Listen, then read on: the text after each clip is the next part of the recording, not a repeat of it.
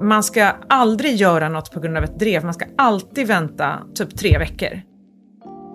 De konsekvenser vi ser i klimatkatastrofen är ändå mycket, mycket större än en härdsmälta. Någon har till och med ställt mig frågan, det här hade ju du kunnat ta upp i ditt sommarprogram. Hur mycket vi än lägger till av resurser så kommer vi aldrig fylla de förväntningar som finns på hälso och sjukvården. Vi har försökt ena folk kring ett mål och det är eh, muslimernas rättigheter. Sen kommer ju den värsta backlashen. Trump vinner valet och britterna går ut ur EU.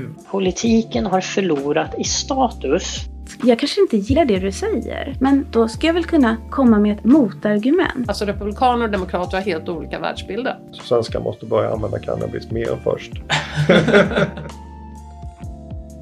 Hej, vad roligt att ni lyssnar på Samtal med Zweiman. Nu inleder vi ett nytt år med nya intressanta gäster.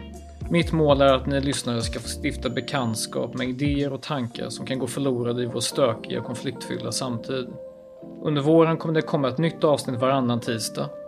Om ni har tips på intressanta personer och perspektiv att belysa, hör av er till mig på adam.zweiman.gp.se och prenumerera gärna på podden så du inte missar något avsnitt.